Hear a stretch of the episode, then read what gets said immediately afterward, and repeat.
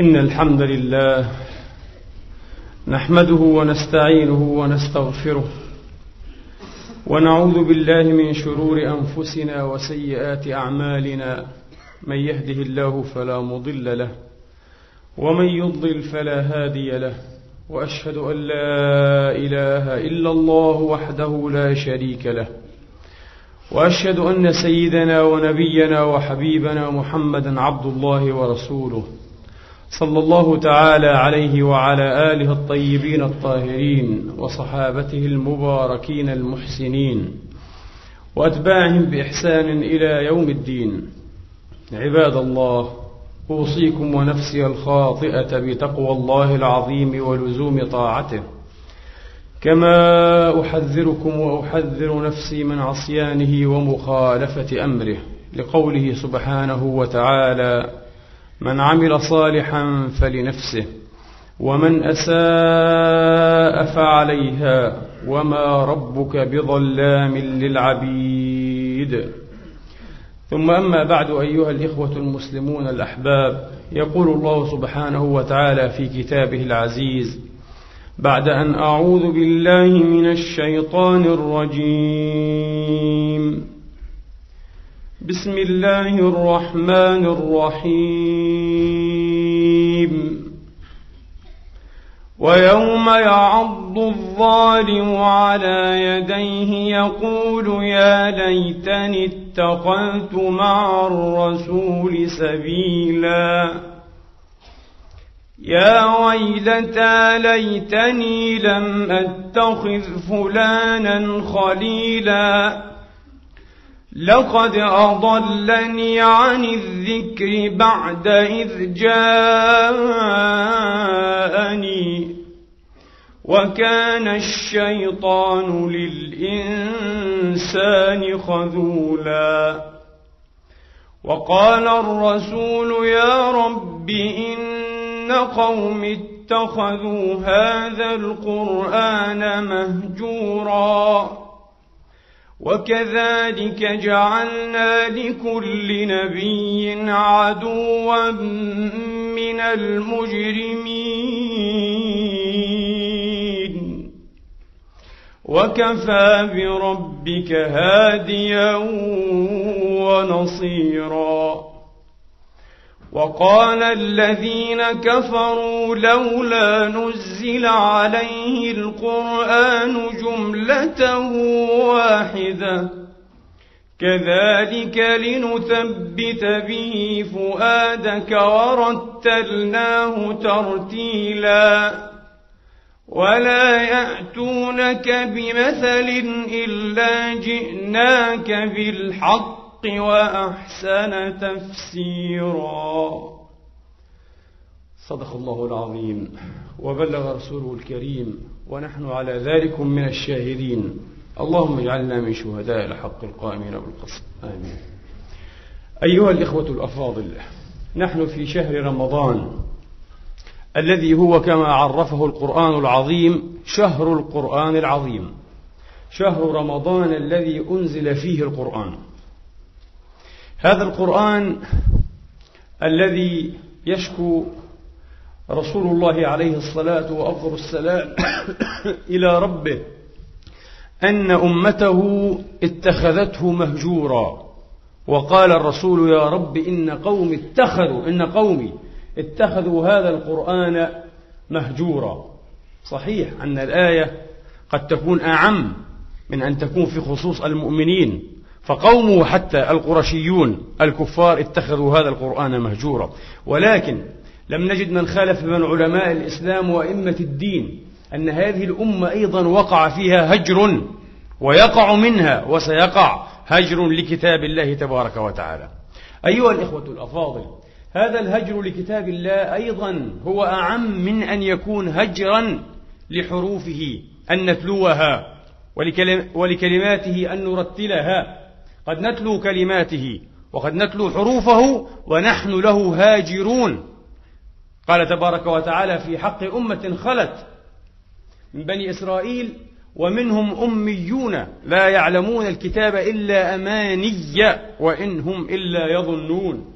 جمع أمنية بالتجديد وهي التلاوة اتهمهم بالجهل وأن علاقتهم مع هذا الكتاب الإلهي التوراة لا تعدو ولا تزيد. على كونها تلاوات على كونها تلاوات.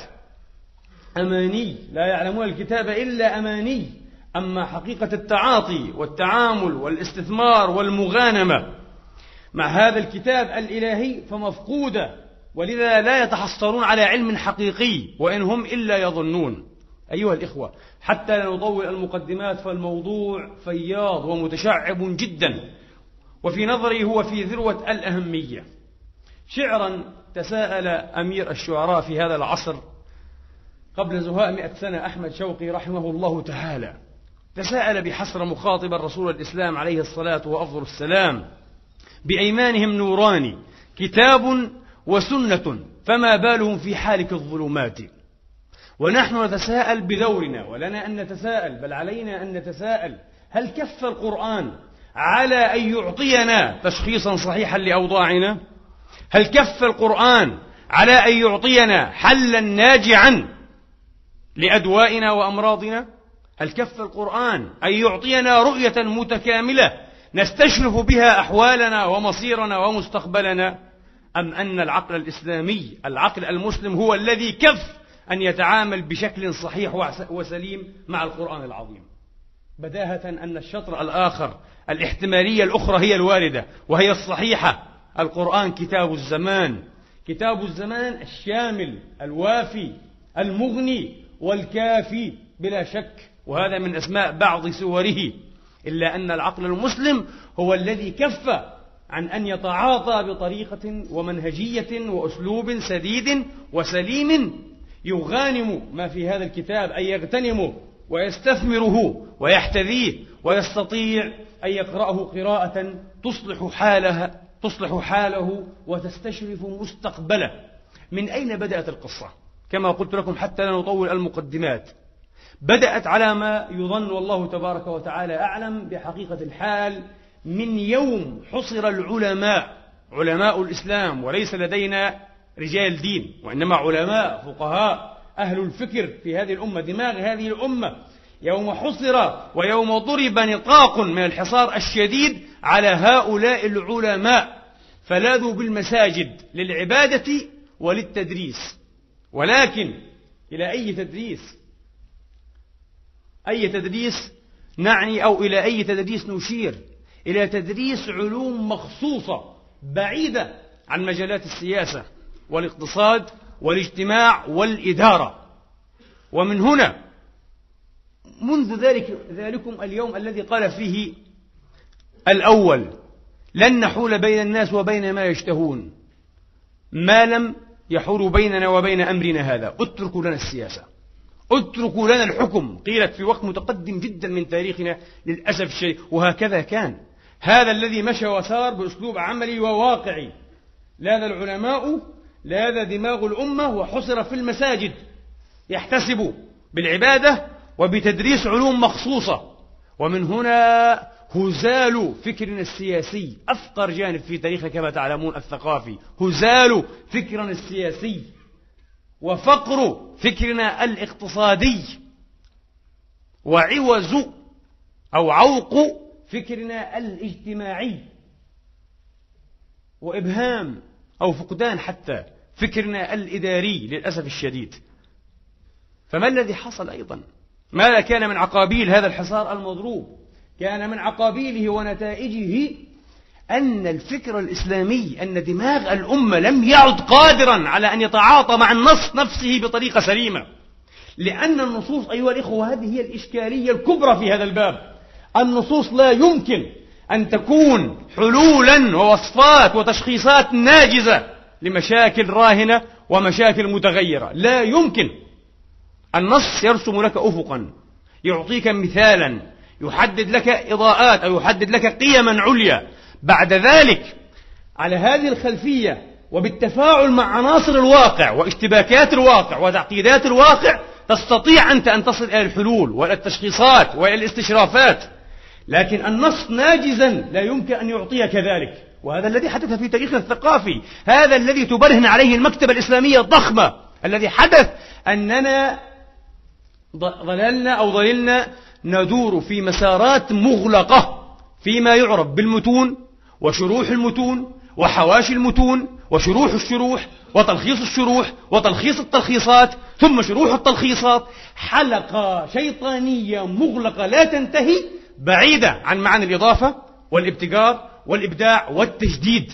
إنها طريقة احتذائية إنها طريقة اتباعية. لا تزال تسيطر على فكر المسلمين للأسف الشديد إلى يوم الناس هذا.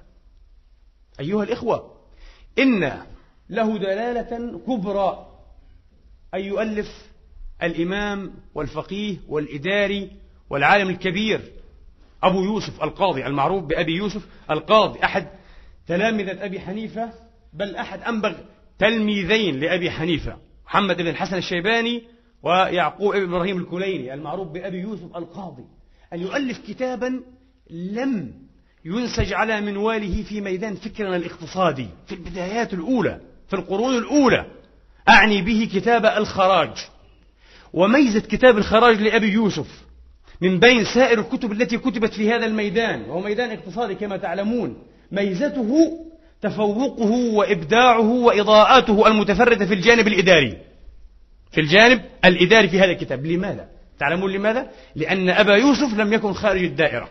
لقد عمل للمهدي وللهادي وللرشيد. عمل معهم. وتسنم وأخذ منصبا إداريا عاليا إضافة أيضا إلى منصب القضاء ومنصب إعطاء الفتوى. لم يكن بعيدا عن هذه الساحة. كان يعيش هذه الوقائع هذه الجزئيات. ولا يغرق في الصوريات والمثاليات. ومن هنا استطاع أن يضع لنا كتابا ناجحا في هذا الباب. ترى بنا أن نتساءل.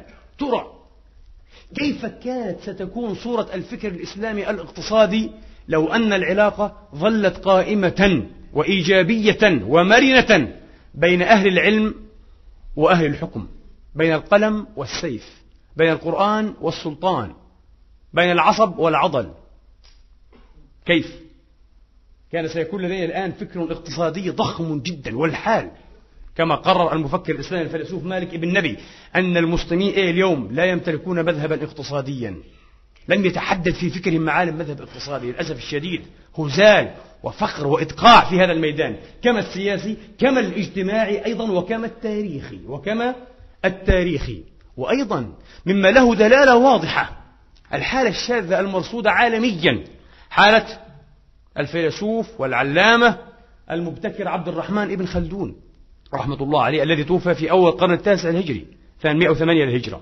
هذا الرجل جاء نعم بأخر جاء متأخرا إلا أنه استطاع أن يرسي دعائم علم جديد.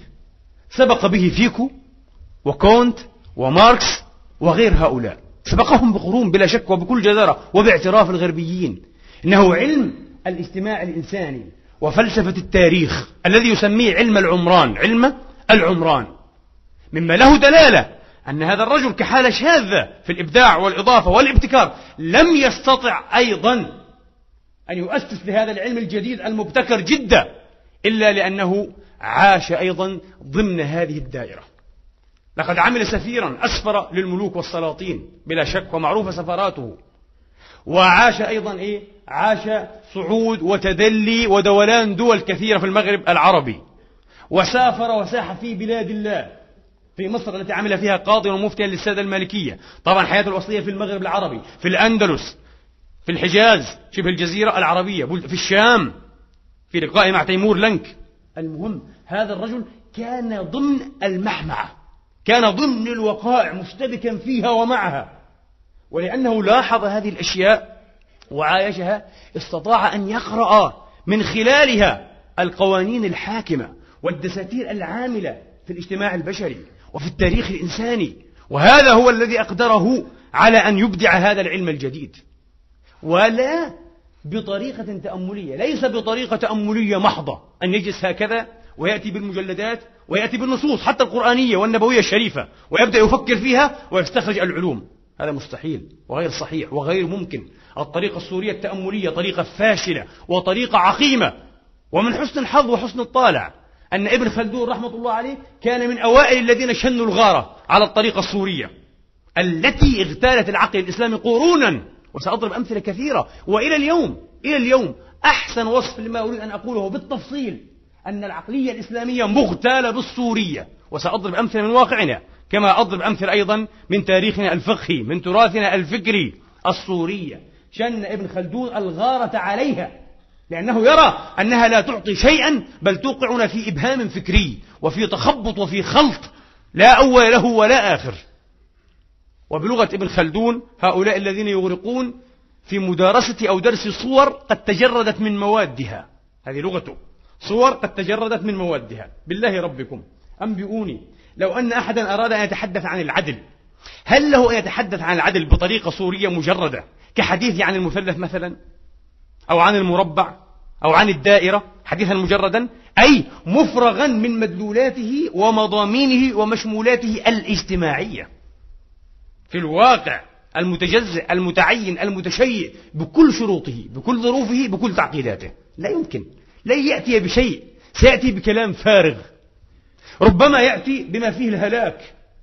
يعني أفكار انتحارية. أو بلغة مالك بن نبي أفكار قاتلة. أفكار مميتة. هناك أفكار ميتة لا تفعل شيئا. وهناك أفكار تفعل لكنها تفعل الهلاك. أفكار مميتة. ليس مجرد أفكار ميتة. وهنا ربما يطيب لي تظرفا أن أذكر القصة الظريفة واللطيفة التي وقعت لأبي عثمان عمرو بن بحر المعروف بالجاحظ المثقف العربي ربما الأول بهذا الحجم الموسوعي. وقد كان الرجل مغرما ومستهاما. بالأقصى المنطقية أي بالتفكير الصوري الذي تجرد من مواده من ملاحظة المتعينات من متابعة الجزئيات من تقدير واعتبار الوقائع الراهنة. كان مستهاما بالأقصى المنطقية. جمعه مجلس يوما مع الطبيب المسيحي الكبير ابن ماساوي الذي عمل هو وعائلته أطباء في قصور الخلفاء والوزراء على مائدة أحد الوزراء في الدولة العباسية طبعا. وكان ضمن ألوان الطعام الحاضرة المضيرة وهي طعام يطبخ وينجز باللبن الحامض وسمك. وكان من المقرر في عرف الأطباء حتى في عرف عامة المسلمين أو العرب إلى اليوم أن تناول هذه الأشياء مشتقات الألبان مع الأسماك فيها ضرر مؤكد بالصحة. وهذا مجرب في كثير من الحالات كثير جدا. بعض الناس تحدث لهم حتى حالات تسمم وينقلون إلى المشافي. هذا صحيح. التجربة تقول ذلك بغض النظر عن التفسير الطبي لذلك التجربة تؤكد هذا. فنصح له ابن ماسوي قال يا أبا عثمان عافاك الله لا تجمع هذا إلى هذا لأنه مضر بالصحة جدا. فبدل أن يستمع أبو عثمان الذي استبد به واغتاله التفكير الصوري والقياسات والاستدلالات الفارغة من موادها بدل أن يستمع إلى خبرة أهل الذكر أهل الحكمة أهل الاختصاص لاذ بالقياس المنطقي. قال أيها الطبيب الجليل أنا أقول لك قائسا إما أن تكون المضير والسمك من طبع واحد نظرية الطباعة كما تعلمون في الطب القديم إما أن يكون من طبع واحد وإما أن يكون من طبعين مختلفين. فإن كان من طبعين مختلفين كان أحدهما دواء للآخر يعمل ضده فيبطل مفعوله. شوف القياس الباطل. وإما أن يكون من طبع واحد فكأننا أكلنا من شيء واحد حتى اكتفينا. إذا كان من طبع واحد لهما نفس التأثير نفس الطبع فكأننا تناولنا من أحدهما حتى اكتفينا.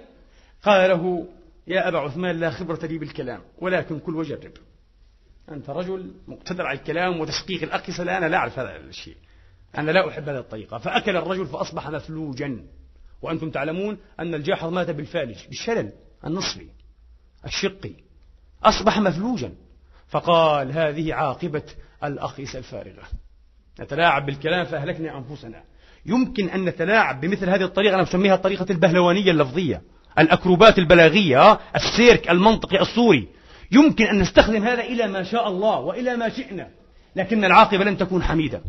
لن نستطيع أن نشخص الوقائع فضلا عن أن نعالجها فضلا عن أن نضع برامج بعيدة المدى وذوات رؤية بمثل هذه البهلوانيات اللفظية. التي يلوذ بها كثير من المتحدثين وكثير من المتكلمين والمنظرين لهذه الأمة. لا يمكن إنه شيء قاتل شيء مرير لا يزال يتكرر. أيها الإخوة الآن سأجتزئ بمثال موح جدا ضربته في محاضرة ما في يوم ما عن ابن خلدون. وهو مستقن من فقيه إمام كان يلقب بأقضى القضاة إنه العلامة الماوردي شيخ الشافعية في عصره وصاحب الحاوي في عشرين مجلدا. وصاحب الكتاب الذي كتب له من الذيوع وبعد الصيت والشهرة والقبول في الفقه الشرعي السياسي في فقه السياسة الشرعية يعني في علم السياسة ما لم يكتب لمثله أو لغيره كتاب الأحكام السلطانية الأحكام السلطانية. انظروا إلى الإمام الماوردي وهو من ومع الفقهاء إذ يعالج قضية على نفس طبعا إيه؟ المنهج بنفس الطريقة يعالج قضية بيعة خليفتين في بلدين مختلفين في وقت واحد. النصوص تقول هكذا بظاهرها طبعا دون أن نتناولها بقدرة تأويلية حقيقية أيضا وضمن قراءة بشرية أو اجتماعية أو سننية. تقول بظاهرها كنصوص ناجزة إن هذا الأمر لا يجوز واقتلوا الآخر منهما. أليس كذلك؟ إذا بويع لخليفتين فاقتلوا الآخر منهما. هذا ما يعطيه نص مباشرة بطريق المباشرة. ولكن هذا الأمر وقع تاريخيا أيها الإخوة وكان له عقابيله وأثاره القابض السود في مجرى تاريخنا وحياتنا. حين بويع للخلفاء أو الخليفة الفاطمي في القاهرة وحين بويع إيه؟ للعباسي في بغداد. هذا حدث حقيقة إنها ليست صورة متخيلة إنها صورة حقيقية. فهل لاذ الإمام الماوردي وقد سبقت إيه؟ هذه الصورة وقوعا عصر الماوردي هل لاذ الماوردي بهذه الوقائع التاريخية الحقيقية ليدرس المشكل؟ كلا. إنه لم يأبه بالوقائع ولا بالتاريخ ولا بالأشياء التي إيه؟ نجزت وحصلت. إنه يفكر تفكيرا صوريا كما قلت لكم كالذي يتحدث عن العدل حديثا عن المثلث. صحيح أن المنطق الصوري منطق أرسطو نجع نجاعة مقدورة ومشكورة في ميدان الرياضة والهندسة. لكنه لا يمكن أن ينجع. وهذا الآن أجمع عليه مناطق العصر الحديث من الأوروبيين. لا يمكن والعقلاء. ومن هنا كان نقد شيخ الإسلام ابن تيمية للمنطق الأرسطو أيضا. ومعه الحق إلى حد بعيد جدا.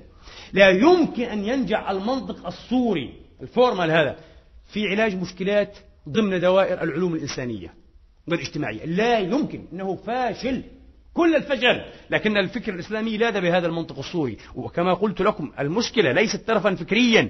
إلى اليوم تغتالنا هذه الصورية وسنأتي بالأمثلة تغتالنا هذه الصورية. ماذا كان جواب الإمام الماوردي؟ ناقش المشكلة بعرض آراء الفقهاء وهي آراء شكلية. وتناقش المشكل أيضا وتلمسه من خارج لمسا شكليا. خفيفا ناعما. الرأي الأول استمعوا بالله عليكم. الرأي الأول تنعقد الخلافة للسابق منهما. من بويع له أولا كانت له الخلافة ومثلهما في ذلك كمثل رجلين عقدا على امرأة. فهي زوج من؟ الذي سبق بالعقد عليها. انتهى. هذا طبعا يغض الطرف بل يعمى به الطرف إطلاقا عن الواقع التي تقول إن هناك جيوشا ووزراء ومثقفين وعلماء وأجهزة وإدارات وشعوب أيضا تناصر هذا الخليفة وتعطيه البيع والولاء وتريده وتدافع عنه ولا تعبه بالآخر. كيف نتصرف مع هذه الطريقة؟ هل نشنه حربا أهلية وحربا إيه؟ أممية بين الأمم الإسلامية والشعوب الإسلامية؟ ما هذا القول. إنه لا, لا يعنى بالواقع. فقط يعنى إيه؟ بهذا التجريد الصوري. القول الثاني بالقرعة. نجري بينهما قرعة. طبعا هما سيقبلان القرعة. سيقبلان القرعة المفترض أنهما ينبغي أن يقبل القرعة فساهم فكان من المدحضين. دليل القرعة الشرعي فقط. نكتفي بذلك. فساهم فكان من المدحضين. القرعة مشروعة شرعا. ونأتي طبعا بأدلة من رسول الله على أن القرعة مشروعة إذا ينبغي أن يقترع أو يقرع بين إيه الخليفتين المتنازعين. اللذين كل واحد منهما على استعداد أن يفني أمته من أجل أن يحتفظ بسلطانه. لم يحدث مثل هذا في قرون الخير والصلاح. لم يحدث بين علي ومعاوية. سيحدث بين الفاطمي والبغدادي؟ أي فكر هذا؟ أي صورية مقيتة هذه؟ كيف يمكن أن يعالج الواقع بمثل هذه الصورية؟ لكن هذا مكان. ثالثا ينبغي على كل واحد منهما أن يتنازل لصالح الآخر درءا للفتنة وحسما للنزاع وهذا هو الرأي الثالث. في تصوير لملائكتي لملائكية, لملائكية الطبع البشري. تصوير لم يصدقه التاريخ ولا الواقع لا تاريخنا ولا تاريخ غيرنا. إن إخواننا الأفغان يدفعون الثمن مثل هذا التفكير ومثل الفخر في تفكير مفاهمة سياسية حقيقية. ثمن العوز والعوق السياسي الذي يعمل على إنجاز تسويات وعلى بلورة قدرة على إدارة الخلاف كما إدارة الائتلاف أنهم معوزون جدا في هذا الباب. يدفعون ثمنه حربا أهلية طاحنة ضروسا شقت الصف وأسالت شلالات وأودية من الدماء على مدى عشر سنوات وإلى الآن ليس هناك بارقة أمل. حدث ويحدث. حدث في تاريخنا ويحدث وسيحدث. لماذا؟ لأننا ندين بالولاء وبالثقة والتصديق لمثل هذه الأفكار الصورية. هذا ما كتبه الإمام أقضى القضاء الماوردي وهكذا تحل المشكلة. فهل حلت تاريخيا؟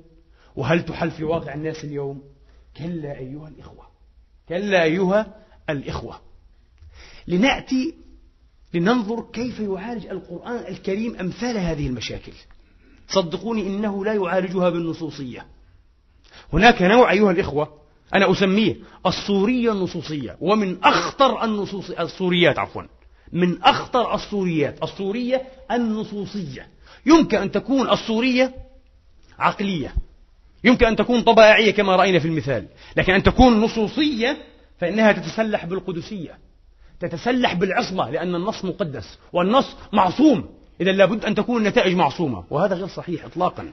لأن التفكير الصوري من أصله مدخول.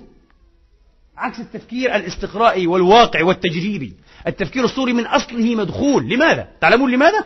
لأنه يقوم على مبدأ الاستدلال والاستدلال بذاته يتضمن مبدأ التعميم بلا شك فالمقدمات الصغرى والنتائج أيضا لابد أن تكون محفوظة في بطن المقدمات إيه؟ الكبرى على حين أن هذا التعميم قد لا يصح ولا يضطرد في حالات جزئية وعينية كثيرة جدا جدا جدا لتوفر شروط أو لوجود شروط جديدة تغير واقع الحالة الجزئية. أليس كذلك؟ هذا الذي يحدث وهذا الذي حدث مع الجاحظ وقتله دون أن يدري المسكين. دون أن يدري. حين أراد أن يسحب تعميمات النظرية الطبائعية على حالة جزئية لا تسمح بهذا السحب. لا تسمح بهذا الطرد الأحكام التعميمية. فالصورية النصوصية أخطر أنواع الصوريات أيها الإخوة. تتسم بالقداسة الكاذبة وبالعصمة. العصمة للنص في ذاته وليس لفهمي أنا للنص. أليس كذلك؟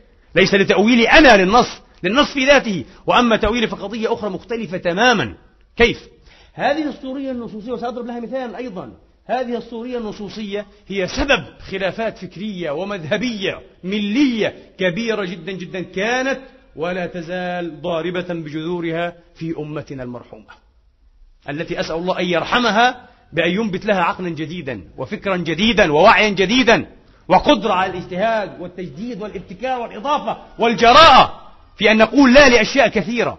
كيف أيها الإخوة؟ كيف؟ الحسين مثلا رضي الله عنه وأرضاه ابن رسول الله ابن علي وفاطمة الذي ثار على الظلم والاستبداد والفساد الذي كان يخيم ويسيطر في عرشه في, في, في عصره. هذا الحسين في نظر فريق شهيد بل سيد الشهداء وفي نظر فريق آخر ومنهم أئمة الدين عظام وكرام وعلماء يستحق القتل. وقتل بسيف جده المصطفى. النبي هو الذي أمر بقتله. الله أكبر. كيف؟ كيف يمكن أن يكون شهيدا وأن يكون إيه؟ حلالا سفك دمه. التفكير الصوري. التفكير الصوري النصي يلوذ بالنص. الفريق الأول يلوذ بهذا النص وبمثله. سيد الشهداء حمزة. ورجل قام إلى سلطان جائر. وبلا شك أن السلطان كان جائرا. إلى سلطان جائر. فأمره ونهاه فقتله فهو سيد الشهداء. وهذا الذي فعله الحسين فهو سيد الشهداء. والفريق الآخر يلوذ بنص. من أتاكم؟ يعني من جاءكم. وأمركم جميع على رجل واحد.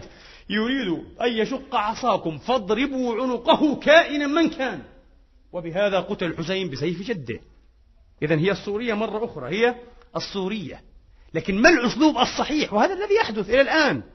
بين من ينتسب بعض من ينتسب إلى السنة وبعض المنتسبين إلى الشيعة أو كل المنتسبين إلى الشيعة. خلاف طويل أكثر من 1300 سنة.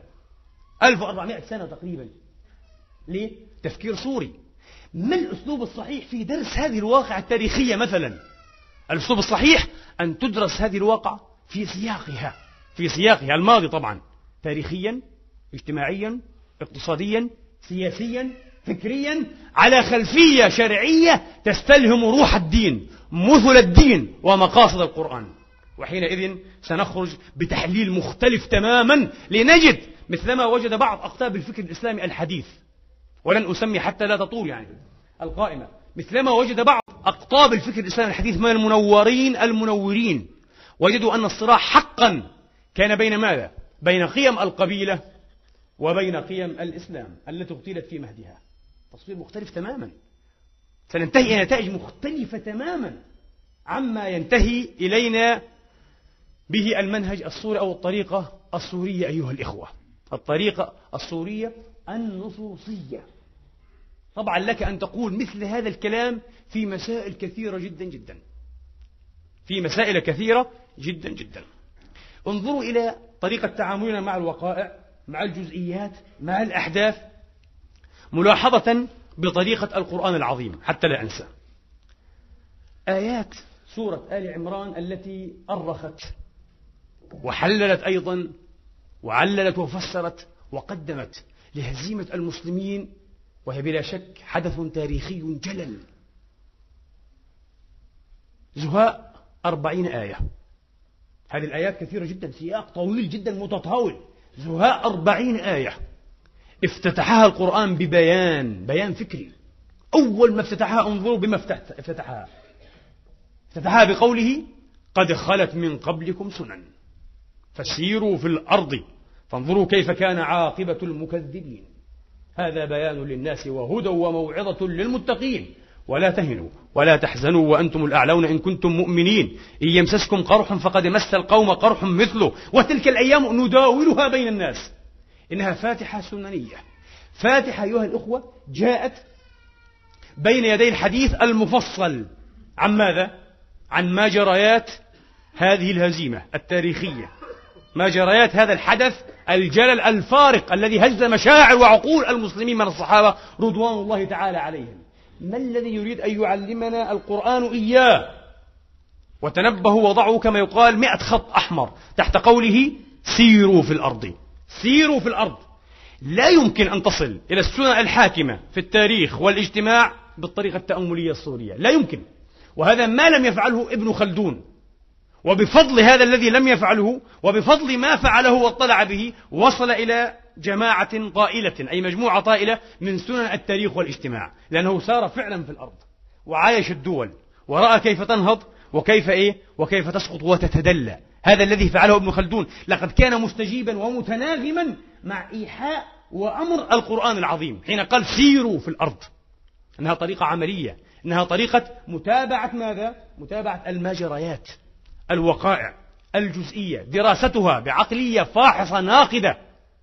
لا تترك صغيرة وكبيرة إلا إيه؟ إلا نظمتها وفق نموذج للتحليل. إنه النموذج ماذا؟ السنني. إنه النموذج السنني وهو الناظم الوحيد الذي يمكن أن ينظم هذا الشتات المتكاثر من المفردات والوقائع والجزئيات في كل تعقيدها. إنه الناظم السنني. إنه الناظم. ولذا القرآن الكريم أشار إليه مرتين. مر بقوله سيروا ومر بقوله تلك الأيام نداولها. إنها صورة السنة فقط. ليست حقيقة السنة. حقيقة السنة تريد سيرا في الأرض حتى نفهمها. تريد سيرا في الأرض. أيها الإخوة مما غلب على فكرنا المنهج الوصفي والقرآن الكريم يؤسس لمنهج تعليلي لا لمنهج وصفي لماذا؟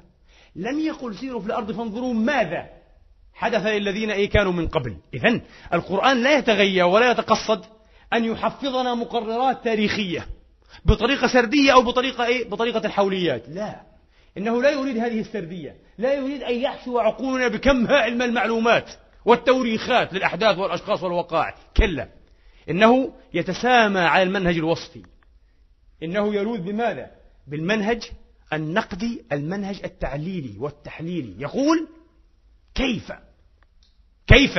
إلى الآن يفرق بين الوصف والتعليل بقولهم ماذا وكيف. الوصف ماذا؟ والتعليل كيف؟ القرآن يأمرنا بالكيف لا بالماذا. وبلا شك أن الماذا متضمن قطعا في الكيف وليس العكس صحيحا ليس العكس صحيحا. إذا ليس بنا أن ندرس وقائع التاريخ وأن نحفظها وأن نرددها بطريقة سردية. كلا إن بنا أي إن حاليا بنا أن ندرس هذه إيه؟ الأحداث والوقائع بطريقة إيه؟ تحليلية بنموذج نقدي. نصل به إلى فهم لما؟ آليات حصول وبلورة الأحداث. الآليات بلغة القرآن الكريم. آليات الإخراج. كيف يمكن أن تخرج أمة؟ كما كيف يمكن أن يخرج فرد والقرآن الكريم يستخدم نفس المصطلح في المجال العضوي وفي المجال التاريخي. والله أخرجكم من بطون أمهاتكم. أخرجكم. كنتم خير أمة أخرجت. الإخراج هنا والإخراج هنا. في المجال الحيوي والعضوي وفي المجال التاريخي والسنري الاجتماعي. المهم هذا موضوع آخر. بعد ذلك أيها الإخوة حين يتسنى لنا أن نمتلك هذا الناظم الذي هو نموذج عام طبعا وشامل مع دقته وعمقه في التحليل بنا على ضوء هذه الخلفية أن ندرس الوقائع الجزئية. وسنصل إلى فهم سليم. الذي قلت في أول خطبة أيها الإخوة من خطب إيه؟ أحداث سبتمبر في أمريكا. الذي قلته إن علينا أن نتعلم كيف كيف ينبغي أن نتخلص من الإغراق في الجزئيات.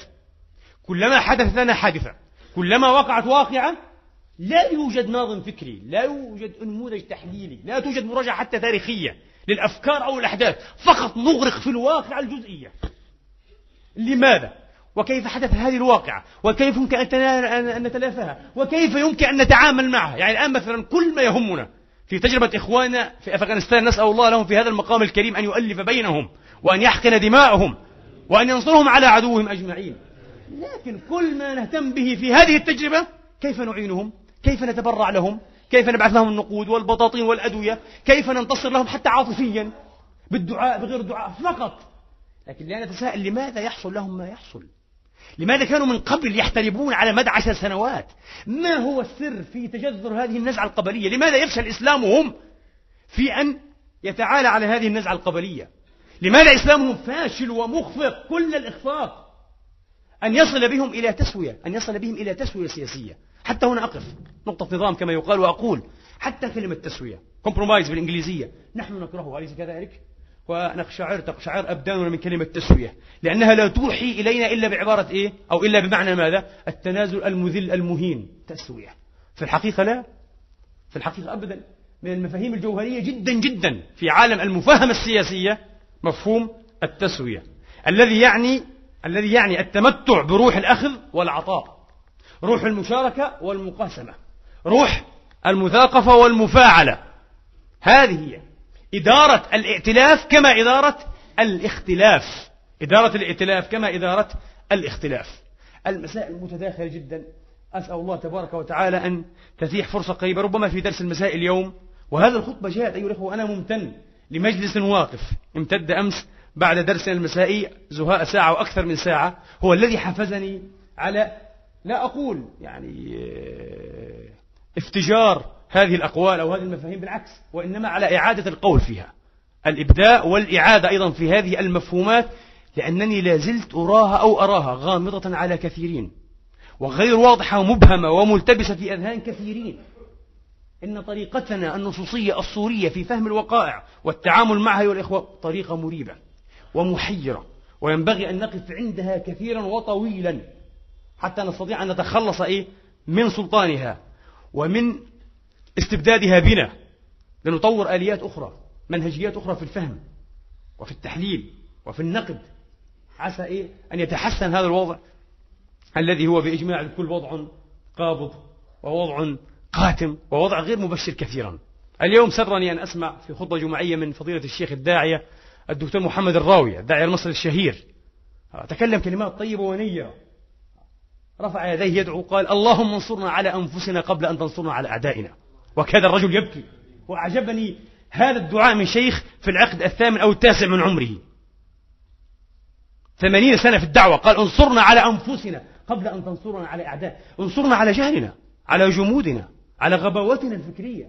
انصرنا أيضا على أفقنا النفسي المتدني والهابط جدا. انصرنا على كل هذه الأمراض على كل هذه الأدواء التي فتكت بنا. لأنه لا يمكن أن ننتصر على عدونا. ما دمنا نحن إيه؟ ما دمنا نحن سادرين في هذه المسارات المغلقة في هذه الطرق الفاشلة. أقول قولي هذا وأستغفر الله لي ولكم.